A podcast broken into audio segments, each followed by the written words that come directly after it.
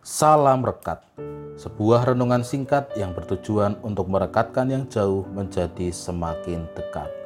Rekat hari Selasa, 16 Februari 2021, diberi judul Allah Peduli. Rekat hari ini dilandasi firman Tuhan dari Ayub 19 ayat 23 sampai 27. Ayat nats hari ini diambil dari ayat 25 dan 26. Tetapi aku tahu penebusku hidup dan akhirnya ia akan bangkit di atas debu. Juga sesudah kulit tubuhku sangat rusak, tanpa dagingku pun aku akan melihat Allah.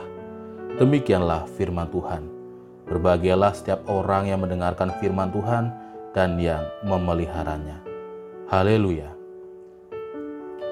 akan sangat mudah bagi kita ketika merasakan kehadiran Tuhan di saat kehidupan kita sedang bahagia, kehidupan kita tanpa memiliki permasalahan, kehidupan kita lancar jaya.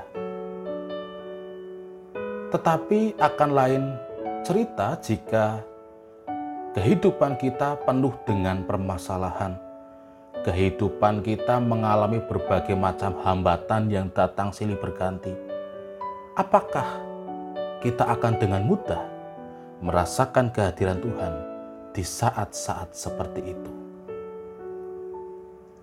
Saya rasa kita pasti akan cenderung merasakan bahwa Tuhan sepertinya tidak lagi bersama-sama dengan kita Tuhan telah meninggalkan kita di saat persoalan ini datang silih berganti. Tetapi melalui firman Tuhan dari Ayub yang telah kita baca saat ini, apakah benar Tuhan telah meninggalkan kita? Atau cara pandang kita saja yang keliru menilai Tuhan? Apakah Tuhan yang pergi atau kita yang cenderung pergi meninggalkan Tuhan? Ketika kita mengalami persoalan itu. Melalui kisah Ayub kita belajar bahwa keyakinan Ayub di saat ia merasakan persoalan hidup yang berat, ia meyakini bahwa Allah akan bangkit di atas debu, di atas persoalan, di atas kerapuhan hidupnya sebagai manusia. Dan ia dengan yakin, meskipun kulit yang ada di tubuhnya sudah rusak dan tanpa daging sekalipun, ia akan tetap merasakan dan melihat kehadiran Allah di dalam kehidupannya. Lalu, bagaimana dengan saya dan saudara ketika kita menghadapi persoalan hidup?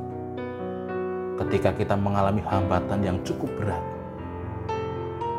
apakah kita merasakan kepedulian Allah di dalam kehidupan kita? Apakah kita merasakan kehadiran Allah di dalam kehidupan kita?